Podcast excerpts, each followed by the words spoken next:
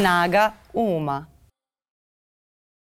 Dobar dan, dragi ljudi, dobrodošli u podcast Snaga Uma, ja sam Miljana. Mi ovde iz ponedeljka u ponedeljak između ostalog nastojimo da dajemo primer nekih kvalitetnih razgovora ili makar se trudimo razgovora kroz koje možemo da rastemo, da se inspirišemo, ali i da se podsjetimo možda nekih vrednosti koje su nam suštinski važne. Danas imam fantastičnog sagovornika i zaista sam privilegovana e, što je moj gost, e, glumac, gospodin Tihomir Tika Stanić. Gospodine Staniću, dobro mi došli bolje vas našao, tako se kaže, tako, ali stvarno tako i mislim. Kako ste? Odlično. Ja imam tu teoriju da i kvalitetan razgovor nekad ume da bude lekovit e, i da nas uplemeni kao i do, dobra predstava, kao i dobra knjiga, da je to neko vreme koje treba da damo sebi i svoj duši i svom umu. Koliko, je, koliko sam ja tu u pravu, šta mislite? Pa sad ovo je obavezujuće ovo što ste rekli sad, otkud mi znamo da će to biti kvalitetan razgovor. To se desi ili ne desi ne može se uh, insistirati, planirati i onako smišljeno tako lako doći do kvalitetnog razgovora ili često ni do kvalitetne predstave. Pa isto, da. Uh, desi se. Da. Ako se ljudi ukače, ako su inspirisani, ako ovaj, uh, nešto iskreno daju od sebe. Ali sad, ako imamo zadatak da razgovor bude kvalitetan, to je već jedna otežavajuća okolnost, ali evo probat ću. Da, jeste to otežavajuća okolnost, ali ne, nije to sad u kontekstu pritiska, nego prosto podsjećanja da, da je to nešto čemu možemo da težimo i nešto čime možemo sebi da pomognemo u ovim vremenima koje su i turbulentna i agresivna i puna stvari koje su instant i u kojima se često i ne razumemo i ne vidimo i onda i zaboravimo neke stvari koje su nam stvarno važne, svi u svom okruženju imamo zanimljive ljude sa kojima možemo da vodimo mnogo zanimljivije razgovore ako ja se potrudimo. Ja volim da pričam i znam, uh -huh. siguran sam da rešenje mnogih problema koji svako od nas uh -huh. ima e, nalazi se u razgovoru, u razgovoru s nekim drugim, jer vi čak ako slušate čoveka i ako saslušate njegove probleme, a ne možete tu ništa da mu pomognete, često se desi da možete rešiti svoje probleme ili shvatiti da vaši problemi koji vam izgledaju tragični u stvari su isti ili slični onim koji imaju koji ima vaš sagovornik ili ljudi oko vas. Ljudi često preuveličavaju sobstveni značaj, značaj sobstvenih problema, značaj sobstvenih misli, sobstvenih emocija i sobstvene ličnosti na kraju krajeva i ne vidi da su jednostavno isti, da liče mnogo o, na druge ljude i da su ti problemi rešivi, jer ih i drugi ljudi kroz istoriju rešavaju, pa ćete ih tako rešiti i vi. Kako, kako se to kod vas ogleda? Koliko je vama, vama vremena trebalo to da, da dođete do toga, da, da shvatite da i kada imate neki problem ili tako neku tegobu, da je to mnogo, prirodna stvar? Mnogo, mnogo. Dugo sam ovaj, dugo mi je trebalo. U poslednjih 20 godina ja sam učinio, ja sam imao neke slabosti -huh. I mislio sam da su one prirodne, da su genetske, da mislio sam da ličim na svoga oca i da će to tako ostati do kraja mog života, da neke osobine, o, slabost karaktera i nemogućnost da se recimo da batalim alkohol ili da izbacim alkohol iz svog života, uh -huh. da to nikad neću moći. A onda mi je jednog dana neko rekao da ličim na majku, Valjda su mi rekli, vidi, debeo si kod tvoja mama ili tako nešto. I ja sam rekao, ajde da proverim i shvatio sam da u stvari liči na majku koja je imala čvrst karakter i koja je bila, ona je umrla prošle godine, ali je bila izuzetna žena, ja sam je tako doživljavao. Svakom je njegova majka izuzetna, normalno. Ali ona imala tu osobinu, bila je od reči, znači nikad joj se nije desilo da nešto što kaže ne ispuni, bila je snažan karakter i ja sam pomislio u jednom trenutku možda ja ličim na mamu, možda ja mogu snagom karaktera recimo da prestanem da pijem i prestao sam da pijem 1. aprila 2002. godine i od tada zbog te činjenice, a to je izgledalo nemoguće, uh -huh. E, ali od tada ja sam shvatio da sam ja u stanju da činim stvari koje na prvi pogled izgledaju nemoguće, da pravim čuda razna. I nekoliko puta sam bio u situaciji iz koje me samo čudo moglo spasti, ali sam rekao sebi, ako si uspeo ono, tada, a to je čudo, moći ćeš opet da napraviš neko čudo. Ima izreka koju često citiram, a nikad ne znam da li je to Duško Radović rekao ili Aca Popović, jedan od njih dvojice, a ne mogu, naći ću. Ko je? Ko u čuda veruje, taj čuda i stvara. I Da, to uvek, u, uvek zaboravim da proverim ovaj, gde sam pročitao, kod Radovića ili kod Ace Popovića. Ali verovatno ni, ni oni nisu možda originalni autori te misli u istoriji čovečanstva je verovatno ta misao eh, se rodila još kod nekih drugih ljudi. Da, da su čuda sasvim prirodne i da ako se ne dešavaju, onda nešto ne radimo kako treba. To I je, ko u to je ta veruje, teza. taj čuda i stvara. Da. Treba verovati pre Ali svega. to što ste rekli za alkohol je jako zanimljivo je, jer sam čula uh, i zaista imala sam priliku da upoznam mnoge ljude uh, koji su tako uz to neko predubeđenje uh, se predavali lako. A, i, I to se dešava ne samo sa, sa alkoholom, sada ajde alkohol drastično utiče uh, na, Pa na kvalitet života. Da, porocima i slabostima. da, to kao to sam ja, to je deo moje prirode, to mi je na majku, to mi je, to mi je na oca, lenja sam, Da, nisam, sigurno postoji neko... ne umem nekad- s parama, nikad ja ne mogu da zaradim dovoljno novca, koliko ću, znači to su razna, čitava je jedna pokušati- paleta vredi pokušati. predavanja. Vredi svakom ko nije zadovoljan nekako u određenom trenutku nekom svojom osobinom ili nekom, nekim činjeničnim stanjem iz svog života. Ja sam siguran, uh, ovo što ću reći, vredi pokušati i sigurno će se naći rešenje ili će se naći druga strana te iste osobe. Svi smo mi kompleksni. Mislim, imamo u sebi razne ovaj, razne osobine. E sad recimo ova profesija kojom se ja bavim, glumac, to je verovatno, to su ljudi e, sposobni, glumci su verovatno sposobniji od drugih ljudi da u sebi pronađu sve te razne, raz, raznolike ličnosti e, koje su tu. Samo ih treba onda izneti u prvi plan u, nekoj određenoj situaciji, određenoj ulozi. Da, vi imate praksu jer vi to radite Da. stalno i onda kada treba za vas znate tačno na koja vrata da pokucate i gde se šta nalazi. Da se tako plastično izrazim. A, pošto se podcast zove Snaga uma i dosta je posveđen mentalnoj snazi, e, ja lično mislim da je odupiranje bilo koje vrsti zavisnosti zaista pokazatelj jedne velike snage i to je onako jedan ozbiljan maraton za, za mentalnu snagu. Pa me sada zanima kako je to kod vas izgledalo i koliko vam je vremena trebalo da dođete do te tačke da znate, ok, ostavio sam ovo, nije sad faza da ja neću dve nedelje, pet nedelja, šest meseci. Kako je to, kako to Ne, izgledalo evo, kod vas? Ja sam bukvalno, znači Presekli. nekoliko okolnosti je bilo, ali to. Mhm. Rekao sam sebi, možda sam ja čvrst karakter ispostavilo se da jesam. Ali to je sad nebitno, to se Mhm. desilo pre 20 i nešto godina. Bitno je da, se, da ja iz toga crpim e, snagu za neke poduhvate Mhm.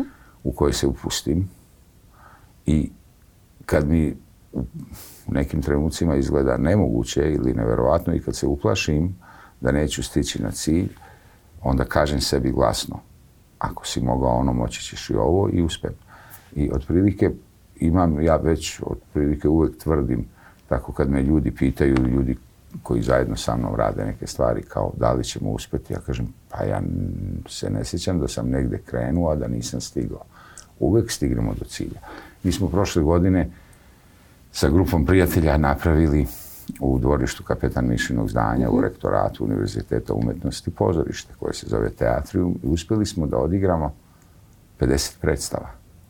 Pede- za dva da. 50 predstava je odigrano. To je bilo 50 čarobnih noći tamo. Negde je bilo prepuno, negde je bilo manje publike, negde uopšte nije bi- bilo publike, bilo je po šest ljudi, ali ja sam, isto imamo iskustvo tamo iz 95. 6. godine, šest. Najbolja predstava i možda najbolje što sam ja ikad uradio u pozorištu se zove Detinjarije. To je predstava Detinjarije po tekstu Raimona Kusa, režirao je Dušan Petrović, muziku radio pokojni Dragoljub Đuričić, scenografiju Darko Nedeljković, Kosti Maja Nedeljković, Dušan Petrović je režirao. I ja sam tu predstavu izveo na svoj rođendan, 96. godine u Bitev teatru, s namerom da živim. Uložio sam m, veliki novac, tačno se sećam cifre iz tog vremena, 12,5 hiljada maraka. A u to vreme je u to monodramu bilo... se nije ulagalo. Ja sam uložio i producent naš Sa- Saša Sailović je, pošto je premijera prošla izuzetno uspešno, bila je na moj rođendan 17. novembra, na plakatu je bila moja slika kad sam bio mali, ja sam sve uložio u to. I onda je na prvoj reprizi prodato dve ulaznice, na drugoj četiri i onda je naš producent Sailović nacrtao krivulju rasta od 100%.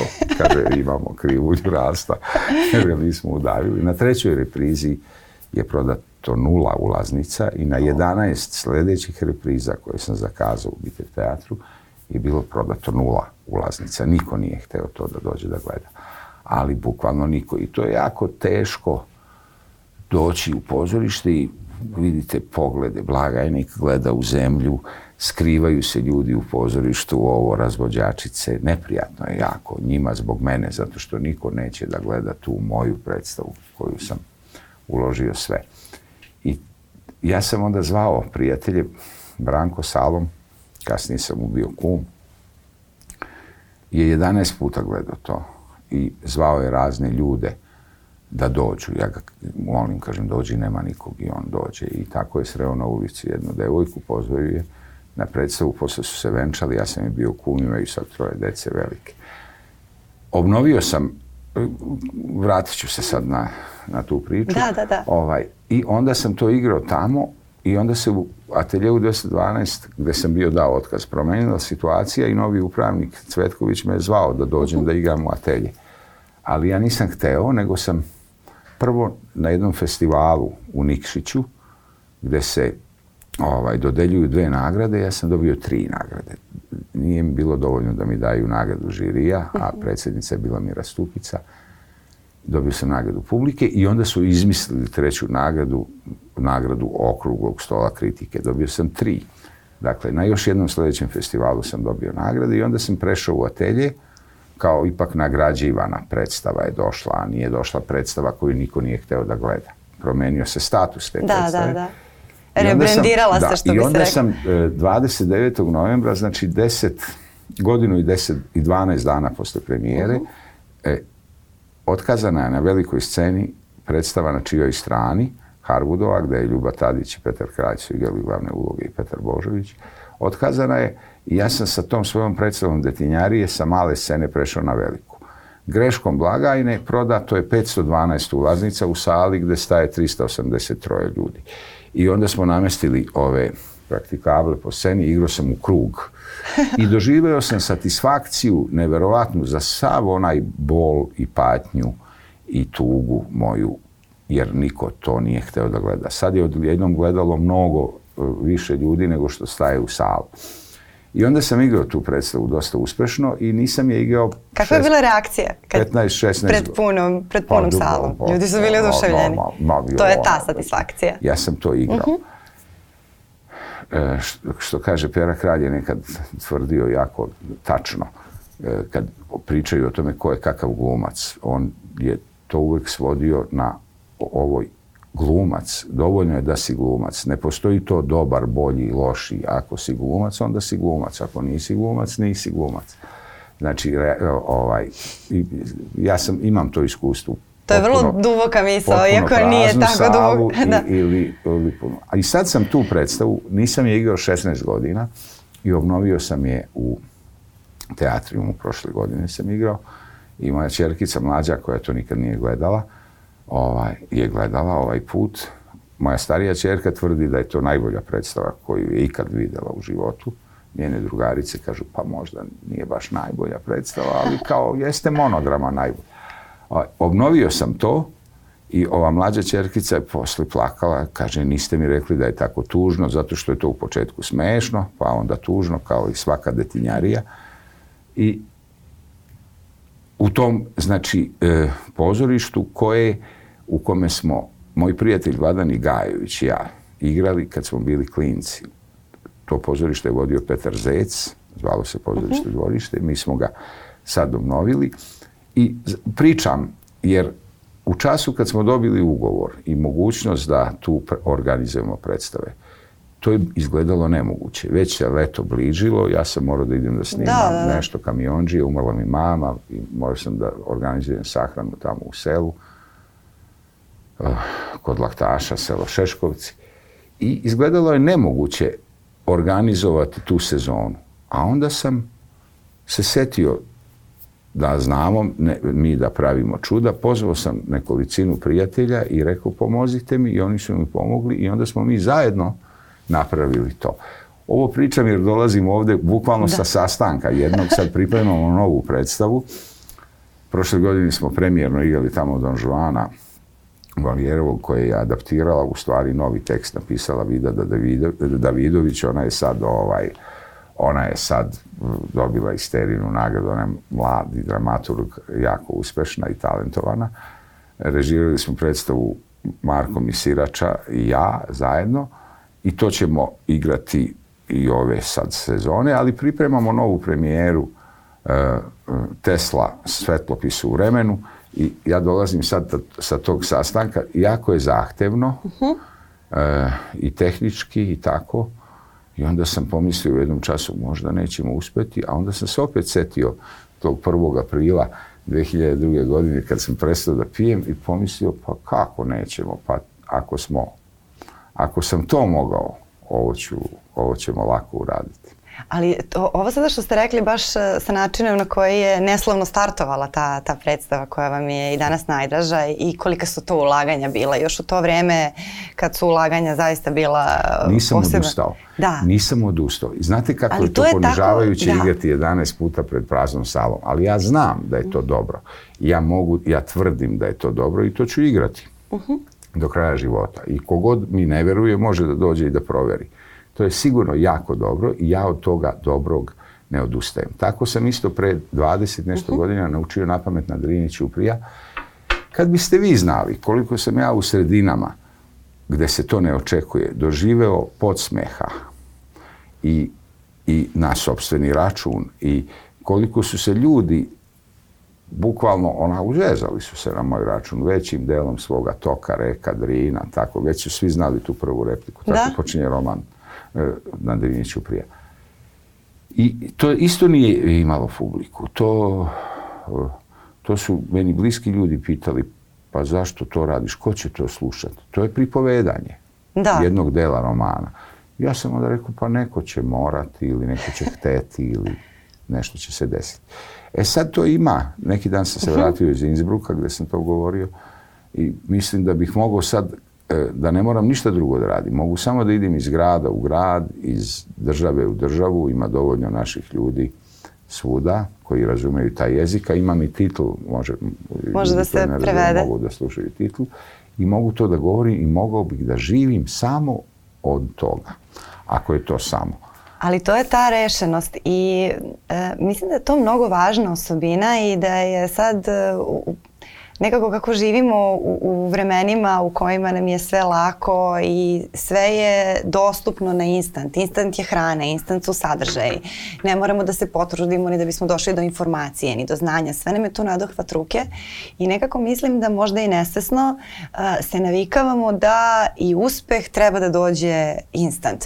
Ako smo se mnogo potrudili, ako smo mnogo uložili u nešto, da sad to ako naiđe na neuspeh, da je to onda signal da treba dizati ruke i da treba odmah krenuti ka nečemu drugom, a u stvari je ovo ta jedna kontrateža i to je ono na čemu i gradimo karakter i onda u stvari a, ističemo taj, taj osjećaj da mi u stvari držimo volan u, svog života u svojim rukama. Jer ako sam rekao da ću da igram detinjarije i da će te detinjarije da budu dobre predstave, ja ću da igram detinjarije. Neću da igram, ne znam, Molijera ili nešto i da mi Tako. Molijer bude najbolja predstava, Tako neću, ja igram- iako je super i Molijer. I Molijera, ali super Molijer, pozdrav za Molijera, ali to je to, kao ja sam rešio. stvari koje su donosile Mhm. ovaj, privid uspeha i dobru zaradu, to nisam hteo da igram svoje vreme. Dobro, to je i u novinarstvu, Da. mislim, to, to je meni poznato i iz novinarstva. Kaže, kad- e, recimo, jedan od ljudi koji su najviše uticali Mhm. na moj profesionalni život, u suštini najviše, jer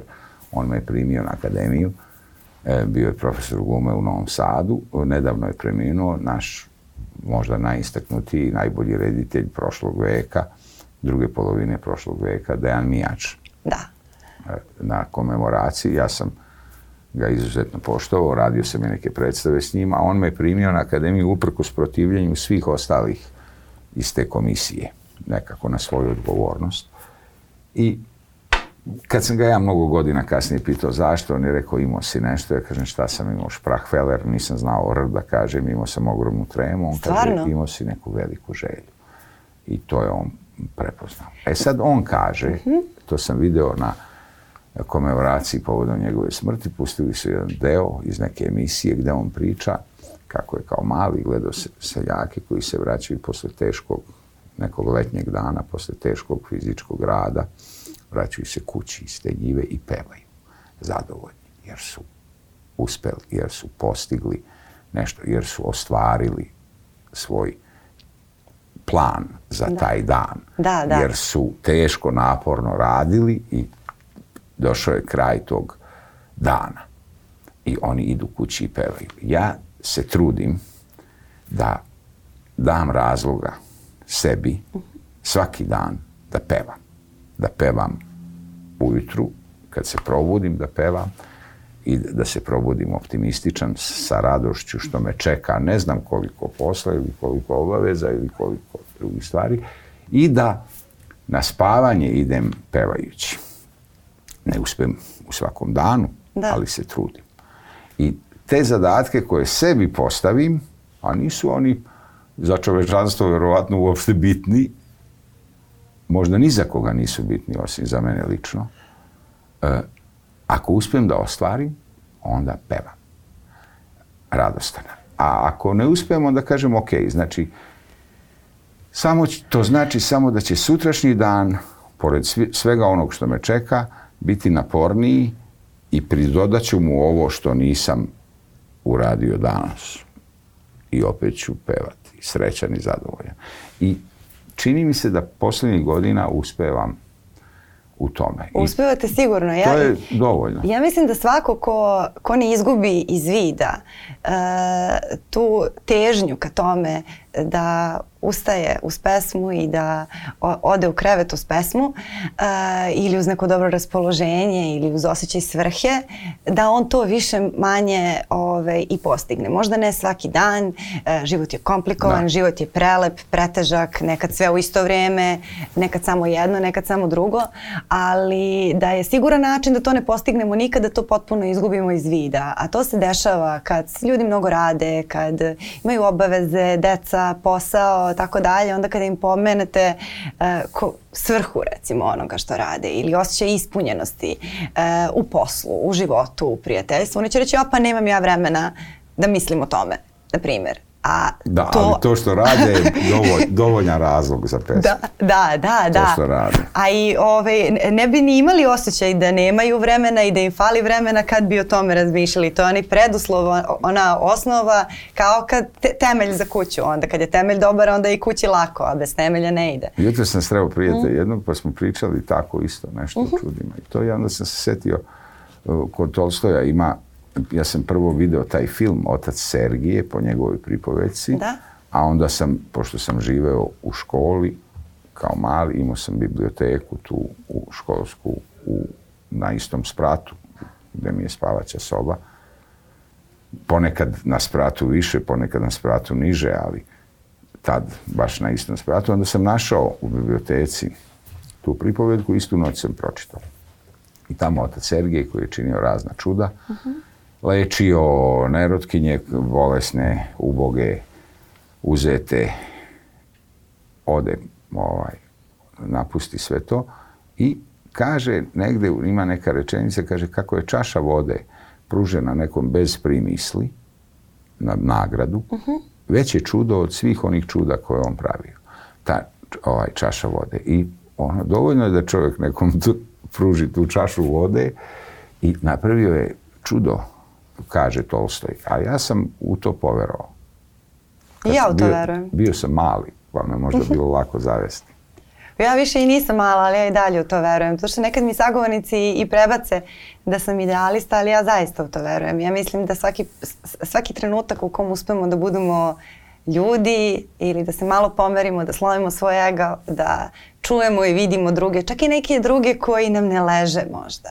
Ali da uspemo u sebi da, na primjer, pronađemo osjećanje i za one ljude koji nam ne leže, i za one ljude koji su nam možda malo. Da je to već veće čudo u, u, u vremenu punom besa, punom pogubljenosti svega, nego te neke tako možda čak i velike stvari. Jer imamo mnogo velikih stvari, a malih stvari nam nedostaje da ih vidimo i uh, da ih primećujemo nekako se, se to gubi i onda se gubi taj osjećaj e, ispunjenosti i onda šta god da radite možete, ne znam, otputovati na najlepše mesto e, na planeti sa porodicom koju obožavate i da sve bude u redu, opet će biti taj neki osjećaj da, nam nije udobno, da nije dobro, zato što nismo navikli da upijemo sve to, da upijemo uspeh, da upijemo ra radost, verovatno se i to uči, ne znam.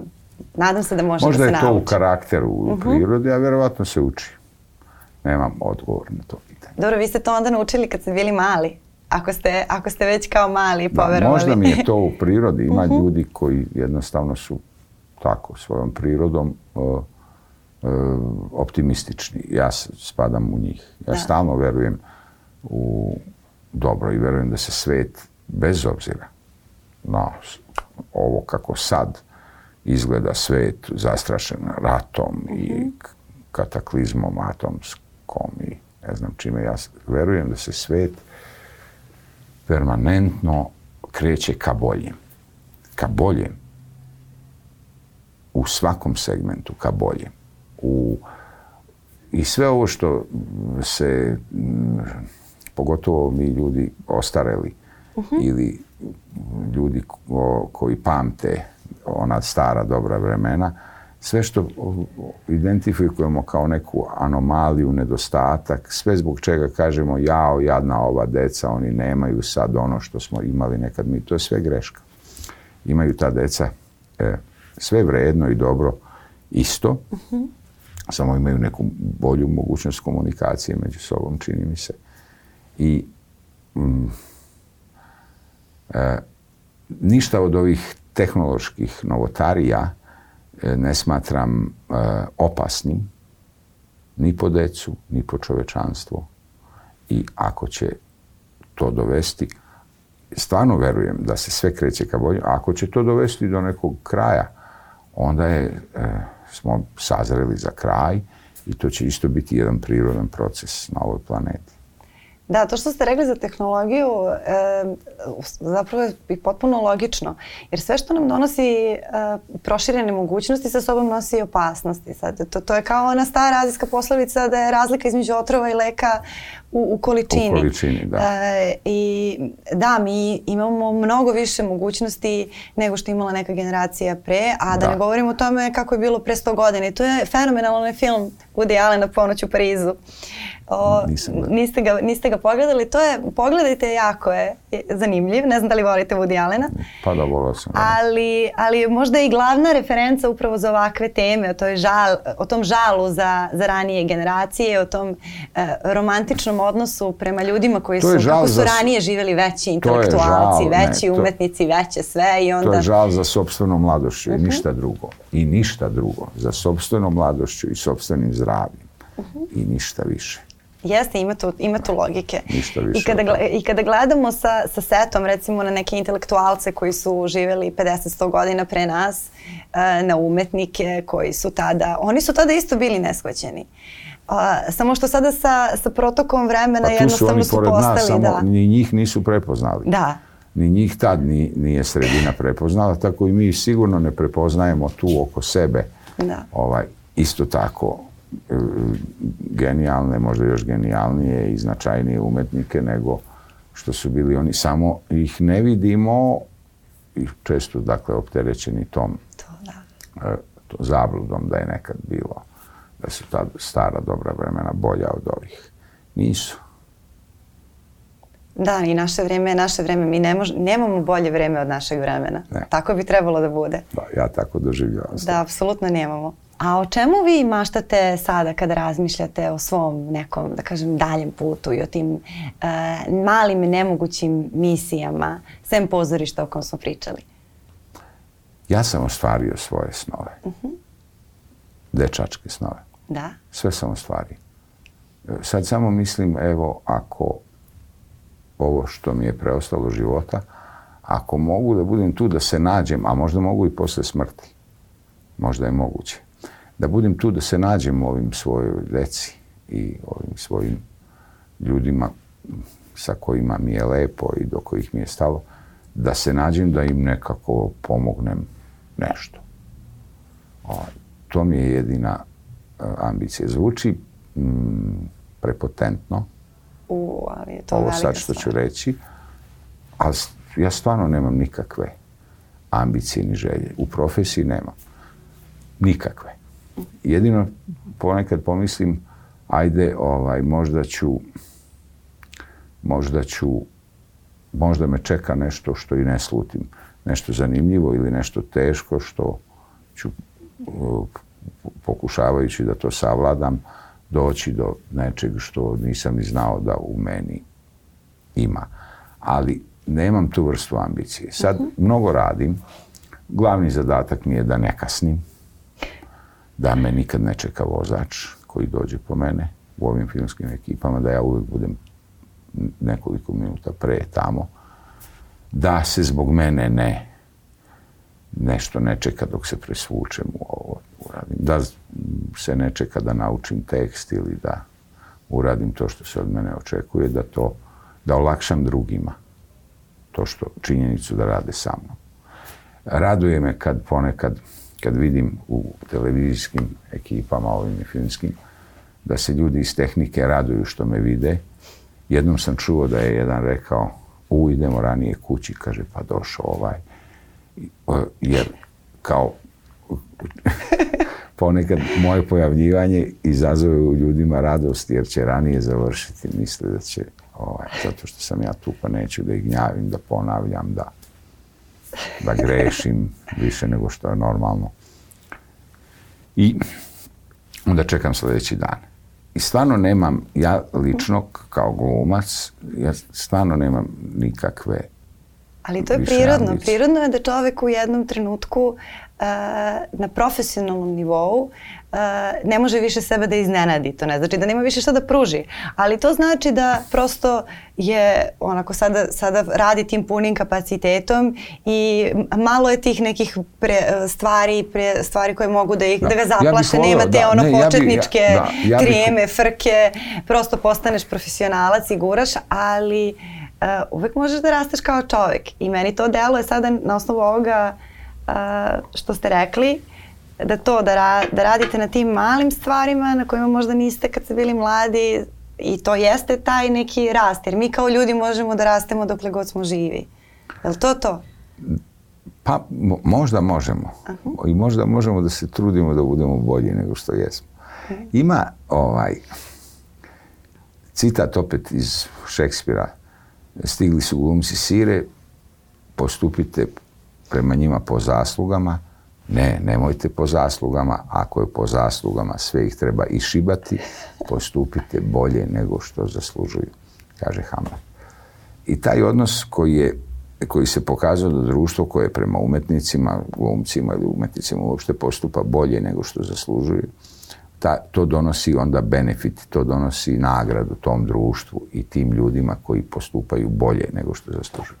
Tako i u životu. Ja sad kao čovek, ne kao glumac, ako se trudim da prema ljudima u svom okruženju budem bolji nego što ti ljudi zaslužuju, ja onda se osjećam nagrađenim. Ja sam nagrađen zbog same činjenice da nisam po zaslugama reagovao na ljude, nego da sam reagovao bolje nego što oni zaslužuju. Onda sam zbog toga srećan.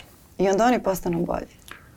Ne znam, Vrlo često. Verovatno. Vrlo često. Ako uzvrate tako. Tako se, tako se postaje svetionik u svom poslu. Ima, Mhm. ima isto tako, e, sad ću ponovo da predajem na Akademiju umetnosti i glumu i to, to je moj moto koji sam otkrio po nekoliko godina.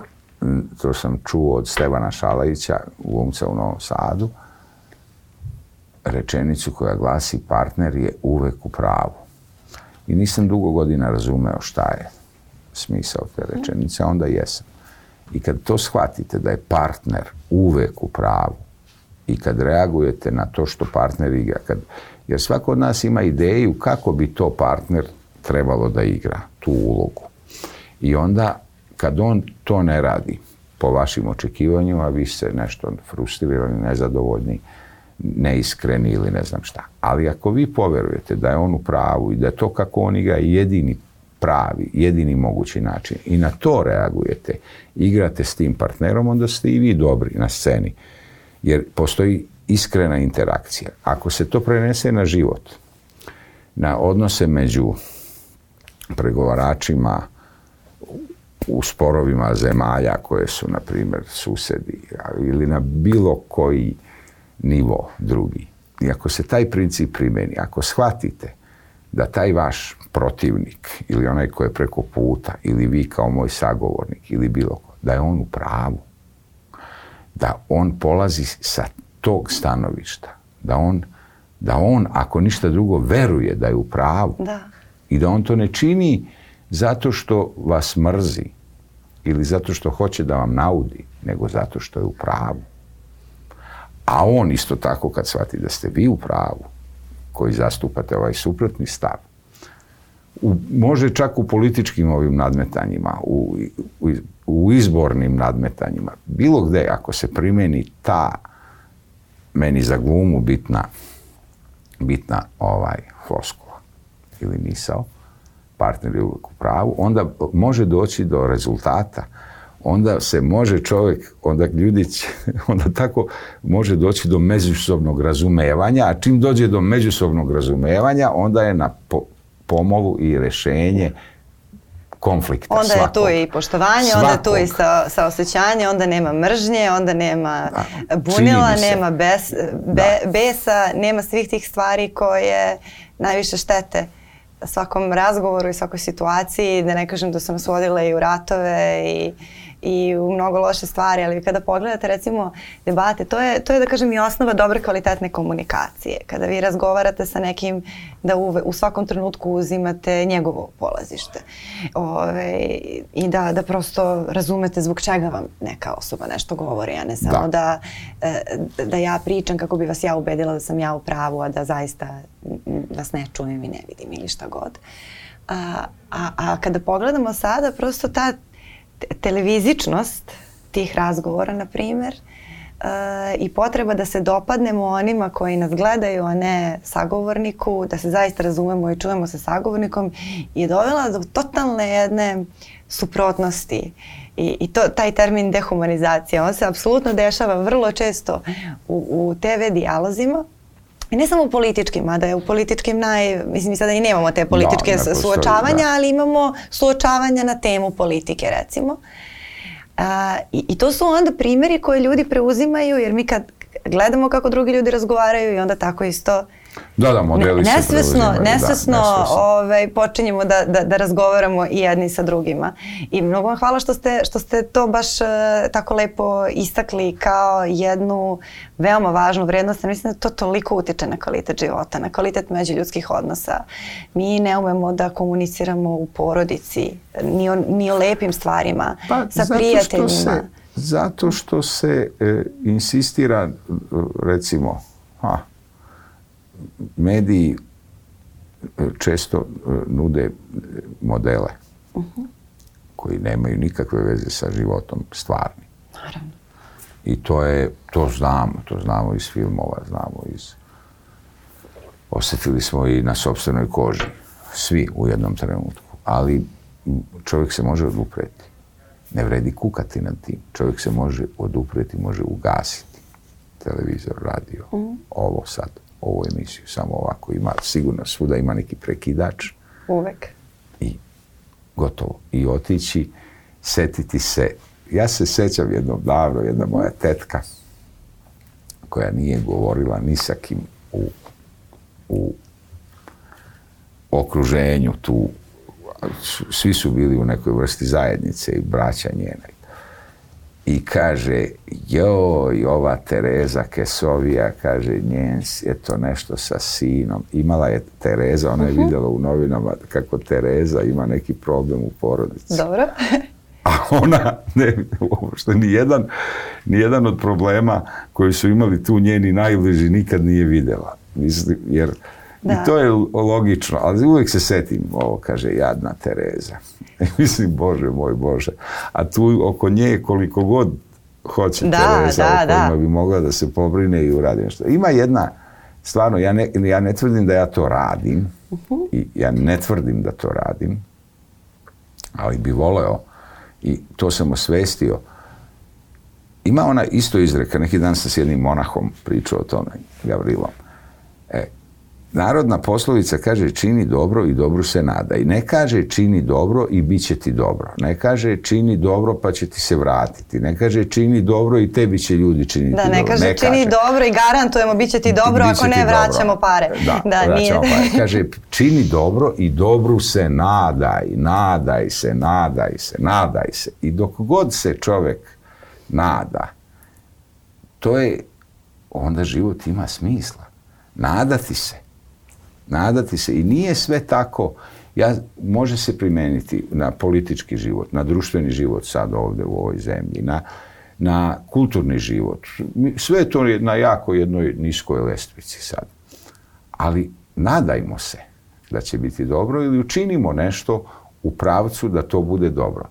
Pričao sam sa nekoliko mladih umetnika koji imaju problem sa tim repertoarom koji se igra kod nas u zemlji, u beogradskim pozorištima. A Onda kažem, ali napravite vi nešto drugo Da. što je kvalitetno. Ja sam to na što sam najponosniji u svom životu, uz ovog Andrića koji govorim, tu predstavu detinjarije napravio. I niko to nije htio da gleda.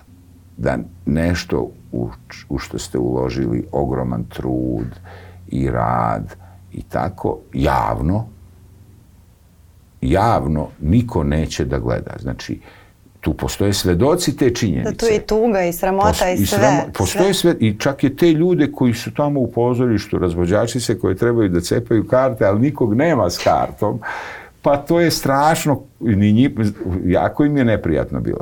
I sad moje osjećanje, mm, dok dolazim na tu predstavu, svestan te činjenice i odluka da ne otkažem, da sam jednu otkazao, nikad ne bi doživio ovaj uspeh posle nikad ne bi, ne bi je igrao dan danas, a igram je dan danas. I sad ja posle tolikih uloga imam preko stotinu i ne znam koliko uloga i u pozorištu i na televiziji i filmu i posle svega, ja tvrdim da je to najbolje što sam ikad uradio. I znam da jeste.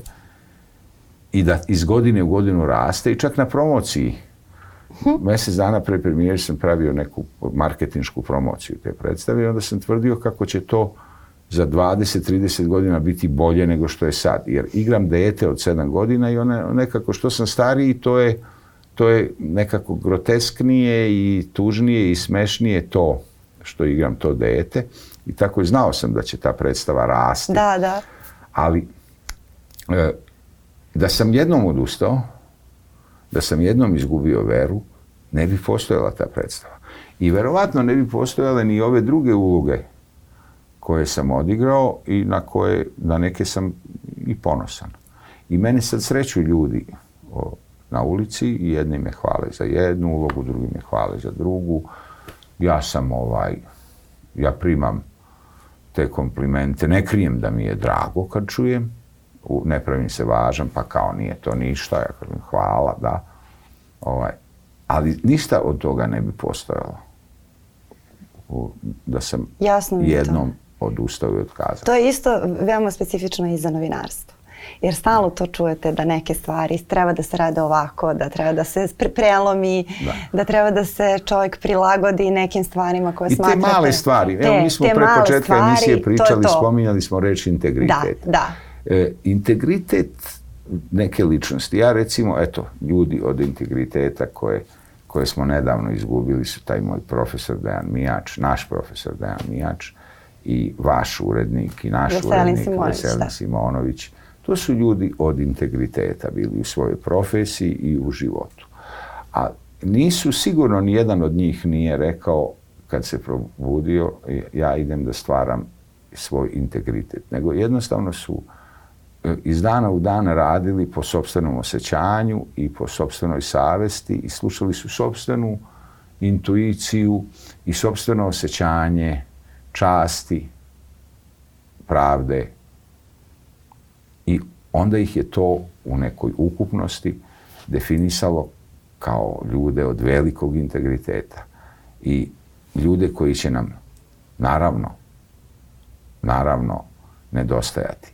Ali i oni, u to sam ja siguran, e, veruju da će taj prostor veliki i ta rupa, ogromna rupa koja je iza njih ostala, da će to popuniti.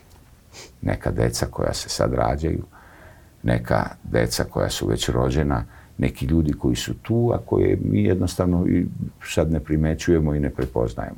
Kad razmišljam o odlasku i kad me boli, a boli me i nikad neće prestati da boli, e, odlazak najbližih.